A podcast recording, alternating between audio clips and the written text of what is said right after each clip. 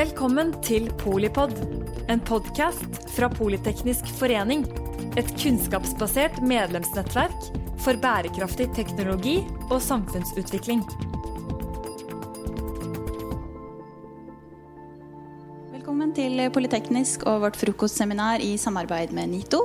I dag skal vi snakke om eh, vannforsyninger og vannsikkerhet. Og jeg skal gi ordet videre til dagens programleder, Ellen Wiseth, som er eh, journalist i TU. Takk for det. Da vil jeg ønske velkommen til dette eh, frokostseminaret om vann. Jeg heter Ellen Wiseth og er energijournalist i Teknisk Ukeblad. De siste to dagene har jeg også lært veldig mye interessant om vann og vannforsyning. Og det kan jeg takke de her menneskene for. Jeg skal først presentere Jan Stenersen, som driver selskapet Trova og gir råd innen vann og avløp. Stenersen er særlig opptatt av ny teknologi og no-dig, altså alternativ til graving. Så har vi Thomas Breen, som er direktør i Norsk Vann, interesseorganisasjonen for vannbransjen. Og Anne Strømmen Lykke, administrerende direktør i NorSAR, som jobber med seismisk overvåkning. Og med oss på stream så har vi Sigurd Grande, avdelingsdirektør i vann- og avløpsetaten i Oslo kommune. Litt ironisk da at det er Grande som, eh, som, er med oss digitalt, når eh, Breen bor på Hamar og Stenersen i Tromsø. Men sånn er det i dag. Vi skal eh, komme tilbake til bl.a. hva i alle dager eh, Anne Strømmen Lykke gjør her. Eh, men først så skal vi si litt om situasjonen i dag. over 30% altså en tredel av det drikkevannet som er ferdig behandla og sendt av gårde gjennom røra, de kommer aldri frem til forbrukerne. Det lekker rett og slett ut. I Sverige så sier man til samme tallet 15% og i Danmark helt nede på 7 eh, Rådgivende ingeniørers forening anslår at vann- og avløpssektoren vil kreve investeringer på svimlende 332 milliarder kroner. I tillegg så er det en utfordring med å skaffe nok fagfolk. Så jeg begynner med, med Thomas Breen. Eh, da vi snakka om det her i går, så sa du at å, å, sammenligne lekkasjeprosenten i Danmark med den i Norge, det er som å sammenligne badetemperaturen på planeten Telus og planeten Mars. Hva mente du med det? Eh, jeg skal komme litt tilbake til det ganske fort, men jeg har lyst til å si én ting aller først i, i, debatten. og det er liksom hva, hva snakker vi om? Jo, vi snakker om det viktigste næringsmiddelet for mennesker. Eh, det er sånn at eh, I 2010 så kom eh, vann og avløp inn i menneskerettighetene. Og det er en grunn til det. Hvis man ser tilbake til først på 1800-tallet til i dag, så er utbygging av vann og avløp det viktigste medisinske framskrittet, faktisk. Årsaken til det er at vi fortsatt i dag har 300 000 barn under fem år som dør pga. manglende tilgang til rent vann eller sanitære forhold. Så det er et veldig viktig næringsmiddel vi diskuterer. Eh, og Derfor er det veldig gledelig at man har eh, satt eh, debatten på kartet også i Politeknisk forening. Så skal jeg komme tilbake til Danmark. Hvis man skal forstå litt av de utfordringene vi diskuterer, så er det sånn at i Norge så går ledningsnettet på vann og avløp sju ganger rundt ekvator. Så det er et ekstremt komplisert infrastruktursystem som skal til. Eh, på drikkevann så har vi nær 1400 drikkevannsanlegg som skal forsyne eh, innbyggerne. Da snakker vi om de som leverer til mer enn 50 personer. Eh, I Danmark er det sånn at først på 80-tallet hadde de store problemer med sitt drikkevann. De holdt på å gå tom. De har i stor grad grunnvann, så de måtte gjøre store tiltak. Det gjorde man. Man stoppa forurensning av grunnvannskilder fra landbruket, som var et problem. Og man klarte å, å finne større kilder og ta vare på vannet på en bedre måte. Men hovedgrunnen til at jeg mener at det er en feil sammenligning, det er arealet. Danmark eh, i areal det går eh, inn i innlandet, og ennå har vi hatt 30% av innlandet. Så det er en ganske liten geografi som forsyner 6 millioner mennesker. Og topografien i Danmark er veldig annerledes enn i Norge. Så i Danmark så trenger de ha mye mindre trykk i ledningene. Så det betyr at et lite høl på vannledninga i Danmark eh, slipper ut eh, halvparten av tilsvarende størrelse på et høl på drikkevannet i Norge. Så det er mange årsaker som gjør den sammenligninga urimelig. Eh, og internasjonalt så har man laga en modell for å beregne eh, bærekraftig lekkasjenivå. Den rapporten eh, kom Norsk Vann med i 2018, og den sier noe om hva er det som er økonomisk bærekraftig lekkasjenivå på, på drikkevann. Hvor man også hensyntar andre faktorer som vi sikkert kommer tilbake til i debatten. Men der skiller jo da Danmark og Norge åpenbart vei. Og skulle vi komme på dansk nivå, så hadde ikke jeg villet møtt forbrukerne og ta, sette med øynene på den regninga som i så fall hadde kommet. Ja, hvorfor er det, hva er det som tar det imot at vi skal sikte ned mot dansk nivå f.eks.? Eller svensk? Vi må, vi må klare å finne det nivået hvor man både ivaretar sunt og trygt og godt drikkevann eh, opp mot det som er en kostnadsproblematikk. Så at hvis vi skal eh, kjøre på for å komme ned på dansk nivå, så er det ikke bare at det kommunale nettet må eh, eh, investeres i vesentlig mer enn det vi gjør nå. altså særdeles dyrt. Vi må også pålegge alle innbyggere i Norge å skifte ut sine stikkledninger, som står for antagelig den største delen av lekkasjene, sånn som det er i dag. Eh, og det er en dyr regning. Eh, og den ikke... stikkledninga eier sjøl, kunne du fortelle? Ja, den eier du sjøl, Ellen. Og hvis du får en lekkasje der, og Oslo kommune kommer og sier at du, nå må du skifte den, så kan det fort bli 300 000-400 000 kroner. Mm. Så det er store summer vi snakker om. Hva mener du da er den optimale lekkasjeprosenten for Norge? Ja, vi, vi beregna det etter den internasjonale modellen å gjøre det på, da, som uh, heter CEL. Uh, så der kommer vi fram til at i Norge burde vi ligge på rundt 20 lekkasje. Uh, og det handler om at vi har egentlig god tilgang til drikkevann. Vi, vi har solide kilder. Det er ikke sånn alle steder, men generelt så har vi altså nok råvann, for å kalle det det. Eh, og skadene eh, som kommer som konsekvens av lekkasjer, eh, er mange steder egentlig ikke noe spesielt negativ.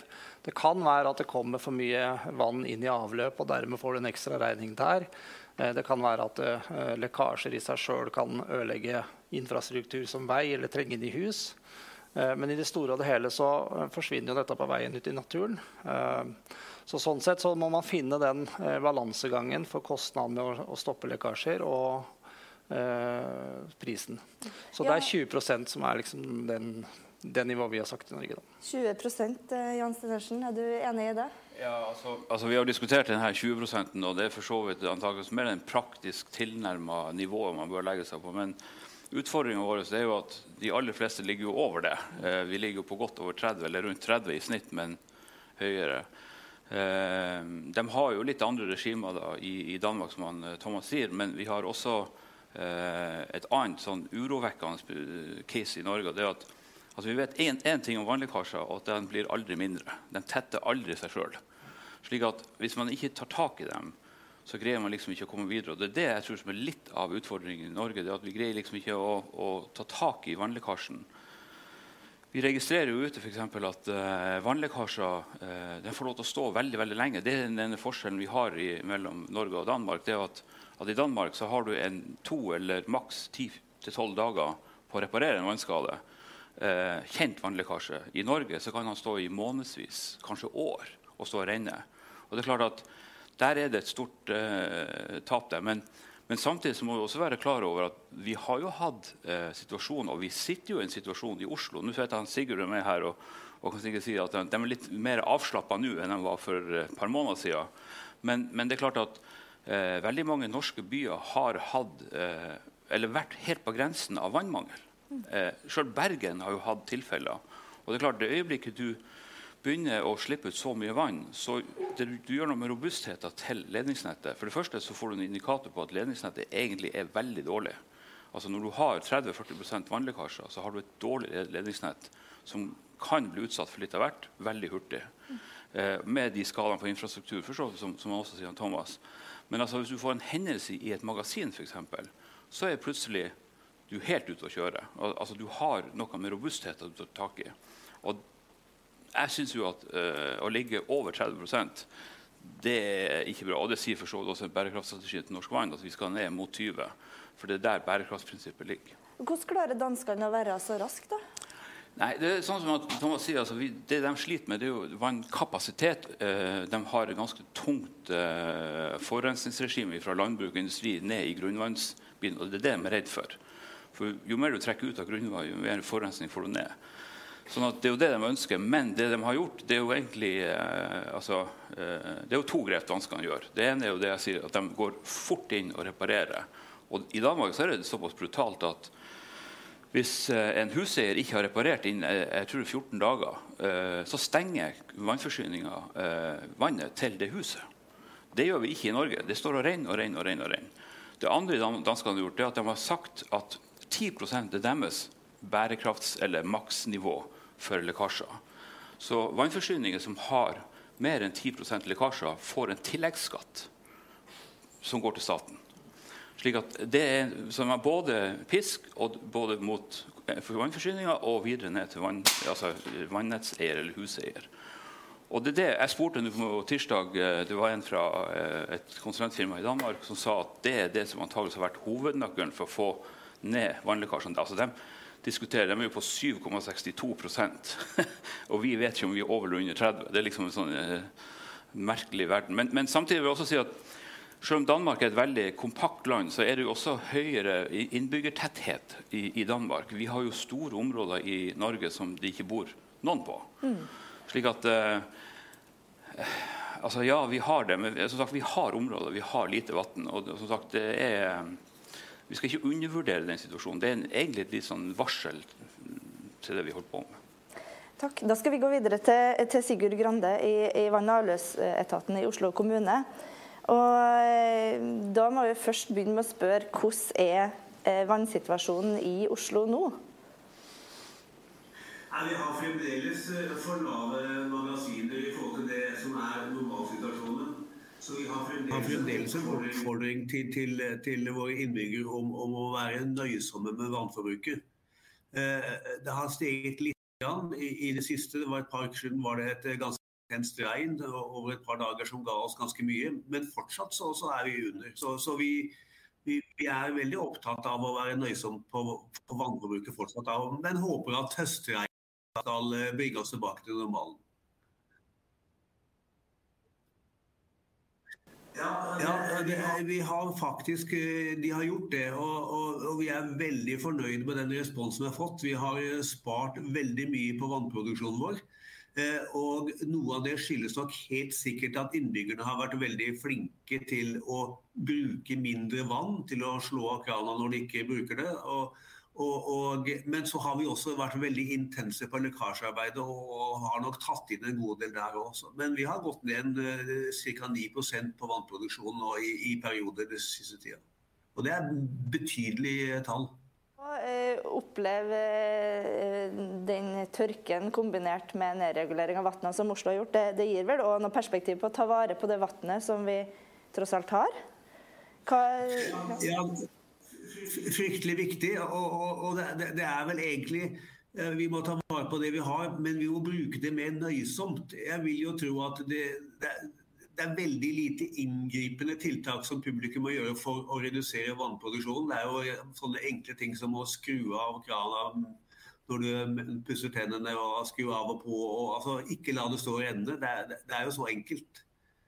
Så, så, så det, det, er fullt mulig å gjøre det uten, uten inngripende tiltak. Vet du hva er lekkasjeprosenten i Oslo? Det varierer jo fra by til by, det her. Ja, vi, vi, vi, legger til grunn at den er godt over 30 altså, vi, vi, har jo ikke tall, vi vet ikke hva innbyggerne bruker, eh, fordi de har ikke målere. Men det er godt over 30 ut fra sånne teoretiske beregninger. Eh, og hva er den største utfordringa for dere når det gjelder å ta unna det, det etterslepet man har? Det er, det er, klart at det, dette er eh, kun hardt arbeid. Det er kompetanse og ressurser. Og, og, det er jo to ting. Vi må ha folk som skal finne lekkasjene. Og når vi finner dem, så må vi ha folk som går på og reparerer dem med en gang. Og så må vi også ha et, et høyt nivå på den, den, planlagte og systematiske fornyelsen av ledningsnettet. Det, dette er jo selvfølgelig veldig ressurskrevende. Vi skal bygge kompetanse, vi skal ta i bruk teknologi. Og vi skal bruke en milliard i året på å fornye ledningsnettet. Så altså, det koster veldig mye penger. Og så er det jo også veldig, eh, som vi var inne på her, altså en god del av, av, av lekkasjen er jo på, på det, det, private delen av nettet. Og publikum er nok i veldig liten grad kjent med at de eier stikkledninger og har ansvaret for de. Jeg ser bare på, på statistikken vår på, det, på, de lekkasjene vi har funnet, så har vi da vi har ca. 350 lekkasjer vi har funnet nå fram til utgangen av juli, og, hvorav, og mesteparten er på de private stikkledningsnettet. Eh, Anne Strømmen Lykke, eh, Norsar. Dere driver altså med seismologi. Eh, lytter til jordskjelv, atomprøvesprengninger. Hva gjør du her? Det er et veldig godt spørsmål. Du, vi, vi, kan alt som gjør at, uh, at, jorden rister. Det er vårt spesiale. Så vi har folk som er utrolig gode på signalbehandling. Og det, når vi lytter etter atombomber i Nord-Korea, så er jo det innen det signalet kommer til Norge, et veldig veldig svakt signal. Så vi har utviklet programvare for å kunne finne de. Og så har vi da oppdaget dette med fiber at da kommer du veldig tett på hendelser og kan se enda mindre ting. Og du får en stor datainnsamling som er veldig billig. Så vi har begynt å jobbe med fiberteknologi for å se små rystelser. Og da er det sånn at når det blir et lekkasje i et rør, så setter det opp litt vibrasjoner. Og det kan vi behandle på samme måten som vi behandler jordskjelv eller atombomber. for den saks skyld, uten at det er noen sammenligning for øvrig. selvfølgelig. Og det, det har vi jobba ganske mye med nå. Men må dere da, når dere skal bruke fiber for å lytte, må dere grave opp alle gatene for å legge fiberkabel attmed vannrøra? da? Nei, det er det som er det morsomme. da. Det er at det ligger jo sånne fiber som dette her stort sett overalt. Så det vi har jobbet med, er å prøve å finne en måte å bruke det, en av de ledige trådene på, og sende lys inn i den og se få tilbake signal og se hvor det er brudd eller at det skjer noe, at det er en strekk i ledningen da, som tyder på at, eh, at røret eller jorden rister. Og det, det, har vi jobbet ganske mye med. Vi er med i et forskningsprosjekt som heter Lik Nord, sammen med Ivar og Oslo kommune, som Oslo leder. Veldig innovativt, eh, morsomt prosjekt å være med i. Så har vi samarbeid med Alcatel og Hallingplast i tillegg som uh, utvikler denne teknologien sammen med oss. Da. Mm. Dette er på forskningsstadiet. Hvor langt har dere kommet? Ja, Hallingplast har bygget et ganske stort testanlegg i sånn nær eh, ekte størrelse i sitt anlegg i Ål i Hallingdal. Så vi har vært mye der. Og der mener vi at vi er, eh, har proof of concept i testanlegg, så vi er klare til å teste dette på, på ekte anlegg. Det her er en sånn vannrør som eh, vi da har eh, testet i dag. Ja. Og hvor lenge er det da før, eh, før Sigurd Grande og andre i kommunen kan ta det i bruk? Ja, det vet vi ikke helt. Altså, nå kommer sikkert den seige perioden hvor vi som er teknologioptimister går på overraskelser. Men eh, eh, det som må skje med dette nå, det er jo at det kommer ut i, i ekte anlegg. Sånn at vi ser at det faktisk virker. Mm. Det er litt forskjellige signaler fra jorden, litt avhengig av hvor du er. Så det må også litt sånn stedstilpasses de her milliardene som rådgivende ingeniører eh, forespeiler oss, eh, tror du det her kan være med på å få ned den regninga? Ja, det tror jeg faktisk. fordi at eh, For det første så kan du bruke den teknologien som fins, og de kablene som fins. Og så får man et med, med, fiberteknologi og hendelsesdeteksjon så får man et ganske presist anslag på hvor lekkasjen er. Så du slipper å grave opp veldig mye, og du kan sitte og gjøre det hjemme fra kontoret. Eh, så forhåpentligvis så kan det spare en del eh, folk da, som er ute og, og leter. Mm. her er jo ditt felt, Sten Stenersen. Det er jo veldig dyrt å grave, særlig i bygata. Hvilke andre teknologier er det som finnes som gjør at man kan slippe å grave så mye? Ja, altså, jeg tror litt av grunnen til at vi har litt sånn eh, problemer med å, å, begynne å reparere vannlekkasjer, det er fordi at de ledningene er dem som ligger nederst. Vi skal gjennom trikkebaner, vi skal gjennom kabelanlegg, vi skal gjennom andre ting. Og så kommer vi ned til våre ledninger. Sånn at eh, Det tror jeg nok er litt av grunnen. Men de siste årene nå så er det kommet mer og mer no-dig-løsninger. Altså vi kan skifte ut ledninger uten å grave dem opp. Vi kan trekke inn. Det er litt sånn som eh, hjertekirurgi. altså Å få en stent inn inntil hjertet og få oppblåst Blokka opp eh, blodåren. Vi gjør det bare litt større skala. Og det er klart at Når vi kan nå begynne å gjøre det, så, så kan vi faktisk uh, gjøre ting ja, hurtigere, mindre konsekvenser for samfunnet. Vi kan ta hensyn til samfunnet, og så får vi en driver. og så er det faktisk ofte kanskje billigere. Mm. En, en, uh, men, men, metoden er ikke så veldig godt kjent. Det er bare fire-fem år siden vi begynte å sanere uh, vannledninger. Vi har noen utfordringer med stikkledninger som Oslo VAV har vært med på og ser på løsninger til, og som vi jobber med. Men metodene begynner å komme fordi at markedet begynner å sette krav til det. Så, så no dig-biten, altså det å reparere uten å grave opp, det blir mer og mer av nå. For vi må begynne å ta hensyn til butikker og gater. Ja, du sa at eh, Trondheim, der borer de mye istedenfor å grave. Hvorfor er det sånn der? ja, altså I Trondheim der har de jo noe som eh, kanskje ikke alle byene har, men det er jo en gammel middelalderby. slik at det å, å grave den første meteren i Trondheim, det er å be om bråk. Vi, vi, kaller det for liksom, da, da utløser vi Teskje-gjengen. Altså, da kommer arkeologene inn, og ting stopper opp, og det er veldig vanskelig. Så der har de mye mer boring. altså De borer nye traseer i større grad enn andre kommuner. rett og slett For de kommer seg under den der meteren halvannen med arkeologi. Og så kommer de inn og kan liksom holde seg der nede. Og nå er bare, altså Dette er jo nordsjøteknologi som kommer på land, altså onshore. slik at nå er vi på 1 cm nøyaktighet på boring. Mm. Men det høres jo sånn for en lekmann da, billigere ut å bore enn å grave? Ja, altså normalt så blir det jo billigere når vi har eh, såpass, altså når vi snakker urbane strøk. Altså fordi at eh, vi har jo mer utfordringer. Eh, så vi jobber jo f.eks. med å utnytte eh, georadar og seismikk for å finne ut hvor ting er hen før vi borer. Men det er klart at vi kjører jo mer og mer boring fordi vi slipper å ta hold på overflaten og kan la trikken kjøre osv. Mm. Men det er ikke fryktelig utbredt i dag? Ja, Vi har litt entreprenører i Norge, men det er et håndknippe med kommuner, inklusiv Oslo. altså De storkommunene som vi snakker om her, bruker jo det. Men altså, for majoriteten av kommuner så kunne man også ha brukt det. Mm. Et annet område for eksempel, som jeg blir utfordret på nå, det er jo det her eh, drenering av myr. altså Klimautslipp fra myr og, og legge traseer gjennom der. Der ser vi nå på å bore gjennom myren. Fordi vi, vi, tar ikke hold på myren og, og få det her mm. CO2-utslippene. Jeg skal gjerne ha inn eh, Sigurd Grande igjen. Eh, for å spørre om hva slags eh, ny teknologi har Oslo kommune tatt i bruk?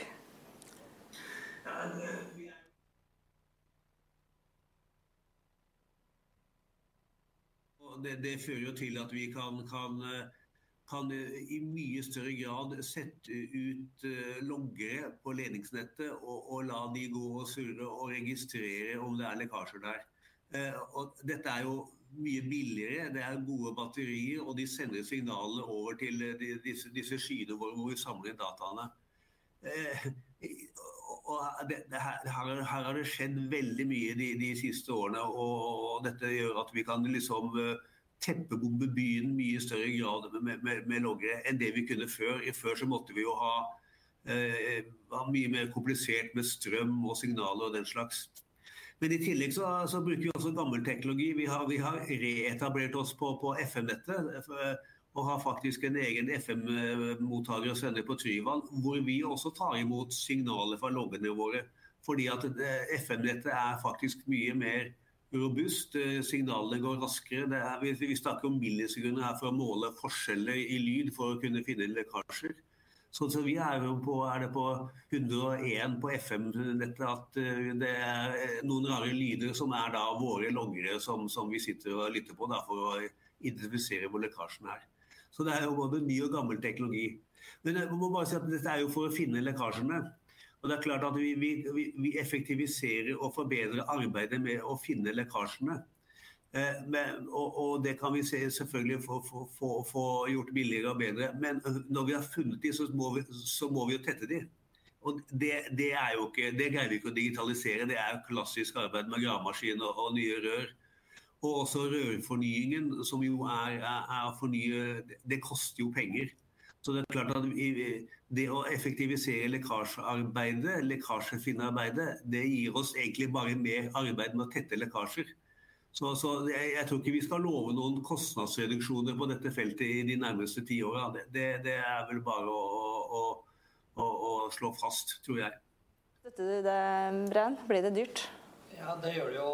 Og de tallene du refererer til, var jo Norsk Vann sin rapport som RIF har lånt i sin State of Nation, bare så det er sagt. Men Eh, poenget med, med, de investeringskostnadene vi ser foran oss, er jo et eh, sannferdig bilde. Og så er jo vi opptatt som bransje også å ta i bruk ny teknologi. Og der er jo Oslo kommune og Sigurd en av de som går foran med Nodig. Eh, men det er heller ikke en sånn salig vei til heaven. Altså det kommer til å koste penger uansett teknologisk løsning. Vi sier at gebyrene normalt sett vil bli dobbelt så stor. Mange steder tre ganger så stor. Og det er realiteten. Sånn at dagens 10 000 kroner i året den blir fort 20 000 og 30 000 for våre innbyggere. Og det er noe, noe som kommunestyrene må forholde seg til eh, i, valget mellom eh, utgiftsøkning for innbyggeren og sykdom hos utbyggeren. Så eh, vi må gjennom denne runden her. Vi har et for stort etterslep på ledningsnett. Eh, og så har vi en utfordring med demografiutvikling. Eh, Oslo, når de etablerte sitt vannsystem ordentlig, så var det 400 000 mennesker. Nå er det 700 000. Så det er klart de har en kapasitetsutfordring, og noen av byene er der. Men jeg er like bekymra for alle de kommunene som har fraflytting. Som får lange ledningstrekk med få til å dele regninga. Eh, det er kanskje der det blir tøffest. Eh, de har også en eiendomsutvikling som går ned. Eh, prisene går ned.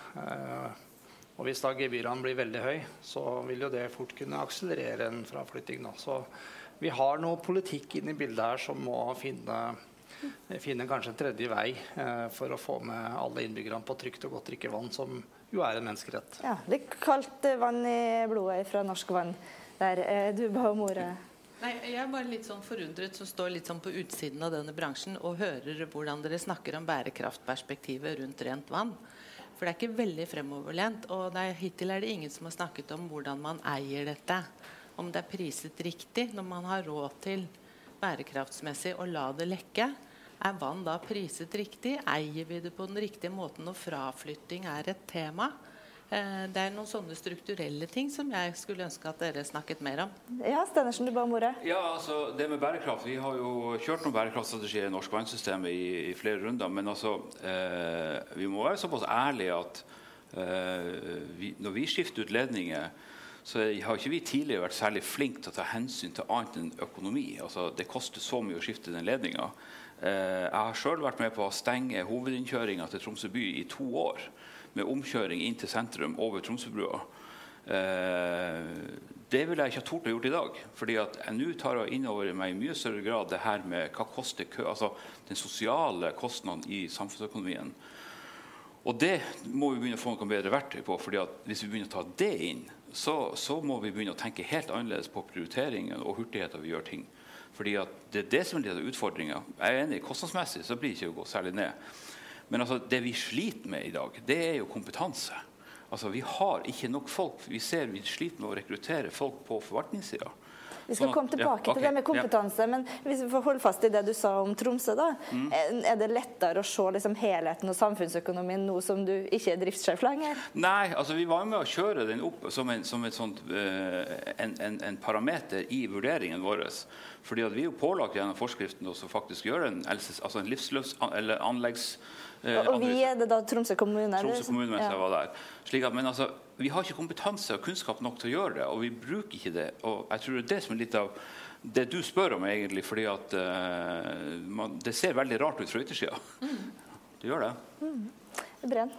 Ja, du stilte spørsmål om vi har prisa vannet riktig. Uh, det kan man jo reflektere mye rundt. Eh, I Norge har vi jo selvkost som, eh, som, prinsipp, og i utgangspunktet så eier ingen vannet, eller alle eier vannet. Eh, så for, fra Norsk Vann sitt ståsted så handler det om å ha en riktig forvaltning, en kostnadseffektiv transportsystem, få den kompetansen som skal til på plass. Men kanskje det aller viktigste er jo å ivareta de vannkildene vi har. Sånn at vi klarer å, å la være at de blir forurensa eller ødelagt på, på forskjellig vis. Og det det er en ganske tøff jobb. Eh, for det er veldig mange kryssende samfunnshensyn rundt drikkevannet vårt. Og vi har i stor grad overflatevann i Norge. Det er Glomma som er eh, drikkevannskilde og resipient. Det er Mjøsa som er drikkevannskilde og resipient. Eh, sånn at det er mange kryssende hensyn. Og likevel så vil jeg tro at de aller, aller, aller fleste land i verden er kjempemisunnelige på Norge og den situasjonen vi er i. Vi, vi, er veldig bortskjemt. Vi åpner krana, det kommer rent og trygt drikkevann. Eh, og det er jo en situasjon de færreste land faktisk er i. Sånn at vi, vi må ta vare på det vi kan, eh, og så må vi diskutere ut fra de naturlige forutsetningene vi tross alt har. Sånn at dette her blir best mulig til en fornuftig penge. Mm. Men det som hun sa, da, med, altså, har vann for låg verdi i Norge? Du snakka jo om at det, det er ikke verdt å ta alle smålekkasjer, f.eks. Ja, det er rett og slett Bærekraft består av tre elementer. Det er miljømessig, det er sosialt eh, eh, og, og står det økonomisk. Det var det jeg skulle si. Eh, og, og, bærekraft må vi, vi må diskutere det med alle perspektiver. Det er veldig vanskelig når man møter bare det ene perspektivet og interesseorganisasjoner som bare snakker om det ene perspektivet, fordi det blir aldri reelt. Sånn men du møter vel fort det økonomiske perspektivet òg når du skal ja. ha penger fra politikerne? Ja, men her er det jo ikke det som er vår store kamp, for dette er jo selvkost. Mm. Eh, så man kan jo fra kommunen si at du, sorry, kjære innbygger, men eh, regelverket tilsier at du må ta den kostnaden. Men allikevel så slår jo da reell bærekraft inn. Ja, er det rimelig at uh, Ellen skal ta den regninga på 400 000 i løpet av tolv dager? Eller er det urimelig, når vi da tross alt har overskudd av uh, råvann uh, og kostnaden med å rense det? Men er det noe alternativ da, til at huseier betaler den siste biten sjøl? Vi er veldig redd for å ta den eh, diskusjonen. fordi eh, når du ser i glasskula da, og demografien i Norge, så er det sånn at eh, det blir knalltøft å, å, være finansiert over streken. Og vi er litt lamma i Norge når det kommer til det der vi tror at alt vokser inn i himmelen. Det er det ingen som egentlig som har satt seg inn i det, som kan tro på lenger. Vi har en utvikling i, i demografi som er ekstremt dyrt å håndtere. Hvert eneste år framover nå så vil f.eks. helsebudsjettet, spesialisthelsetjenesten, øke med over 2 milliarder bare for å nulle ut ett år eldre befolkning. Mm. Så vi, vi, vil ikke dit, rett og slett fordi det er en utrygg havn. Og vi kan rokke ved noe som tross alt har vært av de beste systemene i verden. Eh, på en måte som vi ikke liker om 10, og 20 og 30 år. Mm. Så ja, vi må diskutere løsninger, med å organisere oss bedre, finne teknologiske løsninger, utfordre bransjen, gjøre innovasjoner. Men det solide, ordentlige arbeidet som vi alltid har gjort, det må vi holde fast på. Nå har eh, begge her bedt om ordet, og Grande får rope ut hvis eh, ja. han vil ha det. Nei, altså bare sånn kjapt, Jeg er jo enig med det prisnivået. Det er jo gebyrfinansiert og selvkost hele greiene. Og for noen år siden så var vi veldig, fikk vi mye kritikk av huseierne, altså Landsforbundet. Og, og, men det får vi ikke lenger. Vi har greid å forklare, for vi har vært en sånn usynlig tjeneste. Vi har ikke greid å informere hva vi egentlig holder på med. Vi har ikke greid liksom å fortelle hva de får for de pengene. Eh, hvis du knuser det ned til sånn småtall, så er det småtteri, med en vida. Men, men pengemessig PT er ikke noe problem med huseierne. Men jeg tror ikke de aner hva slags kostnadsbombe de kan sitte på i forhold til stikkledninger. Det er en annen diskusjon. Mm. Og Stikkledning det er altså det som går fra husveggen din til Kommunal ledning ut i vei. Ja. Og Hvilke summer kan man snakke om hvis det blir lekkasjer der? Nei, altså Det blir jo fort i 100 000 kroner-klassen. Ta hold på ei gate her ute i Oslo koster vel ca. Jeg kan si Sigurd bekrefter, men eh, jeg mener 200 000 bare for å få lov til å grave der. Og så skal du begynne å grave deg ned. Så vi snakker om, Jeg har vært borti på mange hundre tusen, halv million for å skifte stikkledning. Mm. Eh, Grande? Jeg kan bare bekrefte det at det kan slå veldig hardt ut for, for enkelte husandre. Særlig, særlig hvis de f.eks. er så uheldige at det er trikkespor og, og sånne ting. Så det, det, er penger når man må grave. Og det er jo det vi jobber med, er jo å finne løsninger hvor du også slipper å grave opp for å rehabilitere stikkledningen. Og Får vi til det, så, så, håper vi at vi skal få en eh, mye høyere og mer effektiv eh, produksjon på det å fornye også de private stikkledningene. Hvor langt har det arbeidet kommet i Oslo? Hvilke alternativ er det man ser på? Ja, det, er jo, det er jo også boreløsninger. å bore fra kjeller og, og til rett på ledning eller kom. Eh, og koble opp en ny ledning. Det er, det er sånne løsninger vi, vi, vi, jobber med å utvikle da, sammen med bransjen. Um, Anne Strømmen Lykke, eh, dere kan jo fange opp veldig små lekkasjer med de, vibrasjonsmålingene dere gjør. Eh, men er det verdt å, reparere så små lekkasjer, eller finne dem? Altså, det er morsomt for oss å finne det, men det er morsommere å finne de store selvfølgelig som har større verdi. Og det vi hører her, er jo at Eh, en kommersialisering av denne teknologien nok har et begrenset markedspotensial så lenge bransjen tenker sånn som man gjør nå, at det ikke lønner seg å eh, reparere små, små lekkasjer. Samtidig så kan kanskje huseiere være veldig interessert i å finne ting tidlig, sånn at de kan gjøre noe med sine stikkledninger. Og så kan man jo stille spørsmål som man gjør om bærekraft og eierstruktur, og sånn, men også bransjens kanskje innovasjonsevne og vilje. Én ting er på en måte at man eh, sier man mangler kompetanse og folk, men eh, eh også innovasjonsvilje. Der er det jo bare å skryte av f.eks. Eh, Oslo kommune, som eh, er med i dette Lik Nord-prosjektet, og som er en av de ledende aktørene i å fornye bransjen. Så jeg tror det er ganske viktig at mange flere vannverk hiver seg på den bølgen og hjelper til. Ja, Brian, er det vondt i viljen? Nei, men jeg, jeg tror jo vi må være ærlige og si at det er en litt konservativ bransje hvert. Uh, og så tror jeg mye er i ferd med å snu. Uh, vi har f.eks. et uh, IKS nå som har tatt verdenspatent på ny renseteknologi som er biologisk. Vi har en bransje hvor Oslo kommune med flere av de store har gått foran og fått på plass et spleiselag. Begynt å grave, som skal bli et innovasjonssenter på NMBU Ås, hvor vi har kjøpt nabotomta. Hvor hele bransjen er med og ser at også den private delen har vi må også skjerpe oss.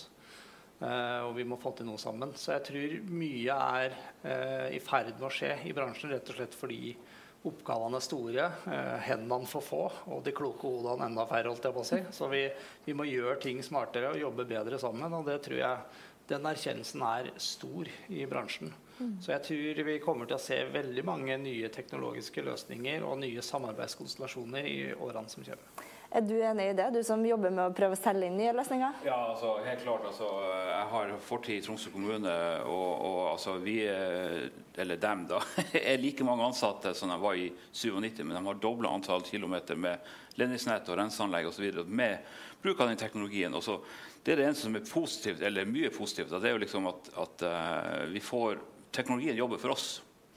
Slik at vi, uh, vi kommer oss i mål til slutt. Eh, det er bare at uh, vi må bare være flinke kanskje som bransje og si hva vi trenger. Det er det som er litt av utfordringa vår. Kommunikasjon mellom dem som kan utvikle utstyr og teknikker, og dem som skal bruke det. Mm.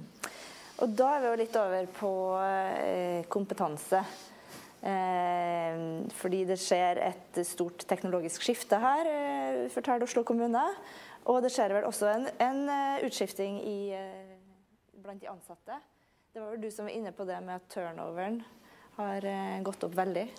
Ja, jeg er egentlig ganske bekymra for det som skjer i kommunene nå. For med bakgrunn fra NITO, som jeg har, så, så har jeg liksom vært i, i, hands on med bemanningssituasjonen, både i det private og det offentlige. Eh, det som vi så tidligere, det var to ting som har redda oss. For det første så De som var ingeniører for 40 år siden, de ble ansatt i en kommune, og de døde i en kommune. Altså, de har jobba i alle år, de hadde alt i hodet. Alt forble der. Det som skjer nå, er at vi har en større turnover blant dem som jobber i det offentlige, særlig i kommunene. Vi ser at eh, kunnskapen forsvinner. Og vi er mye mye mer avhengig av å få digitaliseringa inn og få tatt vare på informasjon og strukturert informasjon. Og når vi ikke har den ingeniør- eller, eller, eller fagkompetansen der, så, så, sliter vi. Og det er klart at... Hvordan står det til i dag, da? Nei, altså Kommunene melder at de greier ikke å rekruttere. De fyller på uh, flinke folk. altså Kommunene i Norge er sinnssykt flinke på akutthendelser. Altså, ting som skjer, det fikser vi. Men når du fyller på med folk som ikke har den akademisk, strukturelle kompetansen, så får du ikke langsiktige, strategiske løsninger på plass. Og, og det er det som er utfordringa. Hvis man ikke beholder den kompetansen eller kunnskapen, så er man farlig ute. Og det er det som skjer nå. Vi ser at det er mer, og mer vakante stillinger. Det som har skjedd de siste tre årene, det var at Før så kom nyutdannede ingeniører inn i kommunen og begynte sin karriere i kommunen og ble lært opp fra brukersida. Eh, nå går de rett til privat sektor, sånn som det var i kraftbransjen for en del år tilbake. Og, og kommunene greier ikke å rekruttere. Og det er klart at eh, Kommunene vil aldri kunne rekruttere eller konkurrere med det private. Men det er klart at altså, vi er litt avhengig av at noen har vært ute i det offentlige og lært seg behovene i det offentlige og hva de har, for å kunne da gå til de private og tilby de tjenester. Og Hvis du kommer inn som nyansatt i en kommune, da kan du gå inn og finne digitale kart og full oversikt? Nei, altså Det er jo det som er litt skremmende nå. fordi det er veldig mange kommuner i Norge som ikke har et ledningskartverk. Altså det, jeg tror En tredjedel av kommunene har ikke et kartverk, og veldig mange flere enn det har faktisk ikke et oppdatert med informasjon. Og Da er det veldig vanskelig å forvalte det regimet. fordi at man har liksom på noen strek, og Jeg er leid inn med jevne mellomrom eh, for å komme inn og så bygge opp kart. Jeg var inne i en kommune som skulle slå sammen med en annen her for tre år siden, og kommunen hadde ingen kart. Ingen kart. Og I en sånn vannskapsberedskapssituasjon så er det jo egentlig helt utrolig. Men det gikk på hodet. Var, de hadde noen gamle folk som huska alt, og det var dem man stolte på. Vanntett system. Vanntett system. Hvordan står det til i Oslo kommune, Grande? Vi, vi, har, vi, er jo en stor organisasjon og har jo vært det i mange år. og vi har gode systemer. Vi har et DV-system hvor vi kartlegger og registrerer alt vi gjør og dokumenterer med bilder, og alle bruker det. Så vi, vi er nok i et annet Selvfølgelig også feil i kartet og en del sånne ting, men, men har, er egentlig well off der. Og det er stor forståelse blant alle våre medarbeidergrupper at vi må, sørge for å registrere og dokumentere og, og og, og, skikkelig vite hva vi gjør. da. Også fordi vi, vi er jo en stor organisasjon hvor jobbene de, de, går fra en gruppe til en annen gruppe. og Da, da flyter oppdragene gjennom det såkalte DV-systemet vårt. Uh, så, og Det har vi blitt ganske gode på. Men det kan bli enda bedre, da, slik at vi har god, god kunnskap om det vi driver med. Hvordan er det å rekruttere folk inn i bransjen? Vi, vi, har, vi, har, greid det fordi at vi er veldig store. og Mange syns det er veldig spennende å jobbe i en stor organisasjon med store og kompliserte utfordringer. og Vi har hatt mye store prosjekter som også har trukket til seg veldig mye folk. Så, så, så, men vi har selvfølgelig utfordringer, vi òg. Men i hovedsak har vi greid oss ganske bra. Jeg er eh, veldig bekymra for kapasiteten til bransjen. Eh, og det henger sammen med de krav myndighetene nå har stilt eh, overfor kommunene, særlig på avløp. Eh, det er sånn at 70% av de gebyrene kommunene tar inn, går ut igjen i det private markedet i tjenestekjøp. Så vi er ekstremt avhengig av at det fungerer godt mellom kommune og privat sektor for å gjøre jobben. Eh, og nå er det sånn at Alle deler av eh, bransjen vår mangler den kapasiteten som skal til for å nå de kravene myndighetene har satt. Og Det er en litt farlig situasjon, fordi man kan få ganske mange dårlige beslutningsprosesser, dårlige valg. Men man mister også muligheten til å diskutere organisering på en god måte, fordi tida tar en. Eh, så vi eh, etterspør nå en nasjonal handlingsplan eh, for å rett og slett allokere ressursene til de viktigste prosjektene først. Mm. Skal vi berge Oslofjorden, så må vi gjøre tiltak som monner for Oslofjorden osv. Hvilke yrkesgrupper er det som mangler? Alt. Vi har kjempeutfordring på gode fagarbeidere. Der ser jeg at våre medlemmer tenker litt nytt, henter prosesskompetanse fra andre næringer.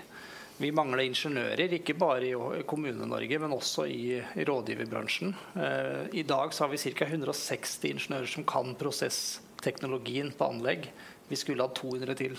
Altså over dobbelt så mange. Så eh, vi må rekruttere bredere enn det man har gjort. Heldigvis så går søkertallene opp eh, på universitet og høyskoler. Vi har fått i gang en bachelor på eh, på Fagskolen Innlandet nå, så du kan ta den veien også inn til ingeniørkompetanse. Men vi må tenke radikalt annerledes i de neste åra for å klare de store oppdragene vi har, og på en god måte.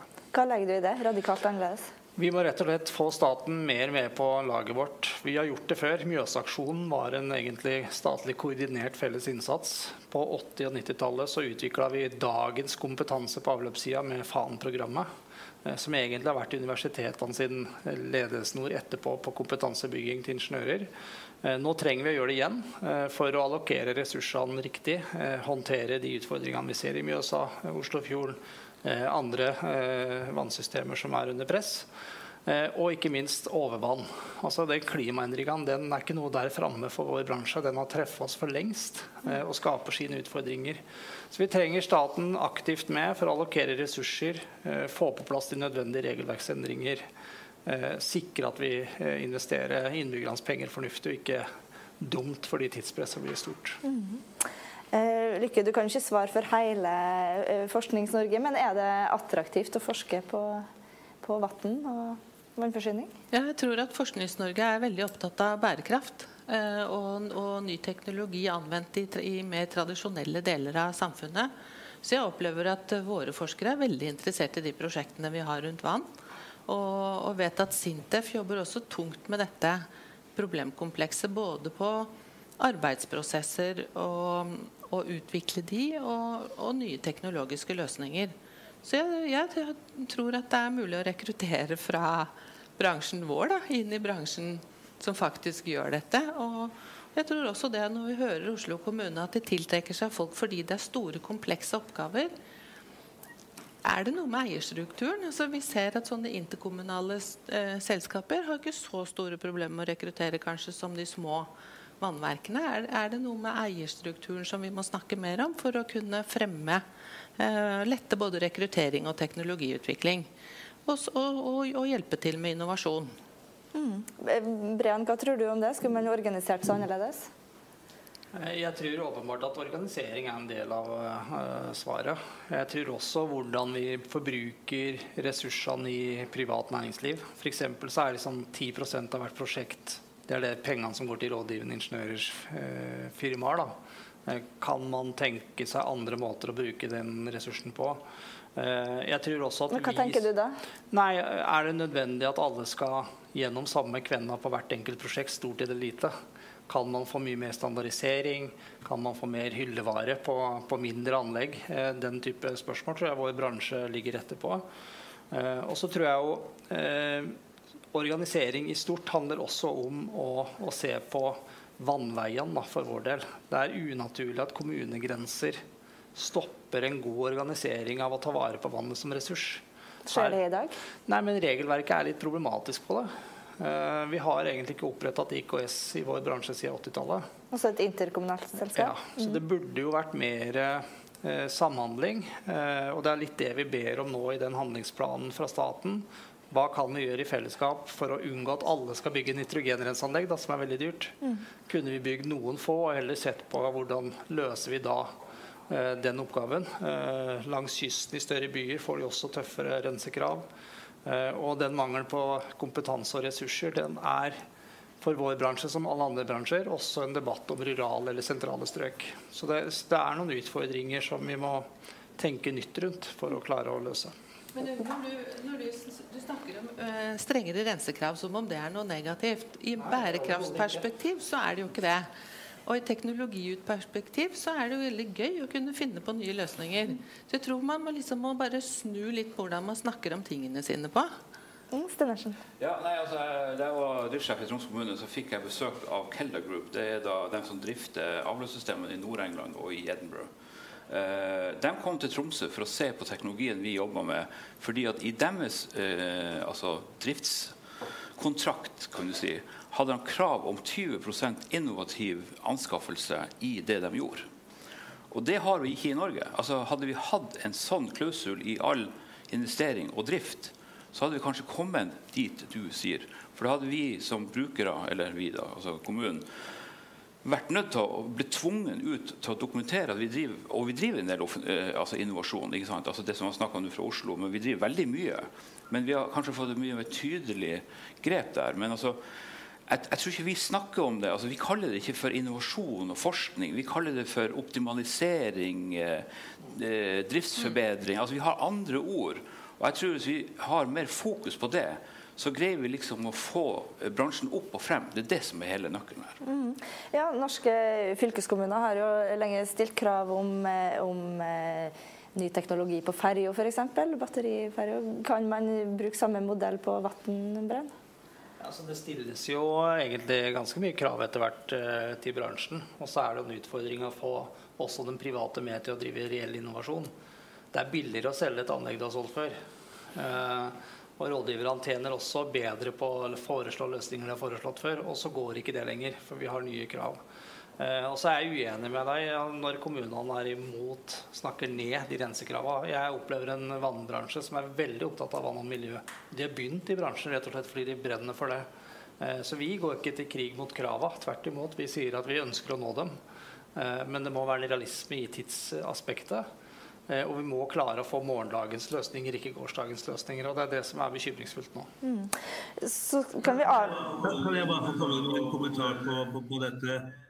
Jeg har jo jobbet i nokså mange år med å få til en, en del sånne innovativiteter. Og, og, det er klart at du skal ha, være ganske sterk for å greie å komme deg gjennom og bruke regimet i det offentlige anskaffelsesregelverket hvis du skal kjøpe innovasjonstjenester. Der er det veldig mange store utfordringer, og, og, og du må ha veldig dyktige jurister og fagfolk for, for å legge opp det riktig. Og ellers så kan du gå skikkelig feil. Hvilke hindringer er det du møter på når du vil eh, ta i bruk nye løsninger? Det er jo slik at du, du må jo du må lage konkurranse og gjøre det korrekt. og Vi har forsøkt forskjellige sånne metoder innenfor anskaffelsesregelverket. altså Innovasjonskonkurranser og samarbeidsformer og den slags. og Det er veldig krevende. Det er mye dokumenter og mye juridiske avklaringer. Og du må styre klar av statsstøtteregelverket. Vi er jo nødt til å betale for å få til den utviklingen. Altså, bransjen har ikke muskler til, til å den private bransjen har i hvert fall så langt ikke vist at de tar på seg de utviklingsoppgavene vi kommer, så vi må betale. Og, og da, det er veldig krevende å finne måter å gjøre det på innenfor det regelverket som finnes. Vi har snakka litt om morgendagens løsninger, så vi gjør det motsatte en gang der, og avslutter med å snakke litt om morgendagens problemer. Eh, det snakka vi litt om på forhånd. Eh, klimaendringer eh, og så videre. Hvilket problem er det vi kan møte på? Nei, altså det, vi, det vi blir utfordra med nå, det er jo at vi får, vi får mer nedbør i Norge, men vi får også større perioder med tørke i forskjellige regioner. Og det ser vi i og Vi diskuterer vannkildene våre. og, og altså Har de den samme kapasiteten? For de er dimensjonert til en viss ting. Og så har du den demografien som vi har snakka om, at byene blir større. De større byene i hvert fall. Slik at det er en utfordring. Og bare ta det også, altså vi, vi slåss jo også mot klima på en måte, fordi at vi ser at eh, eh altså Tregrensa i Tromsø har jo steget med over 50 meter de siste 60 årene. Eh, og inne på grensen til Finland altså, så har den steget med 100 meter.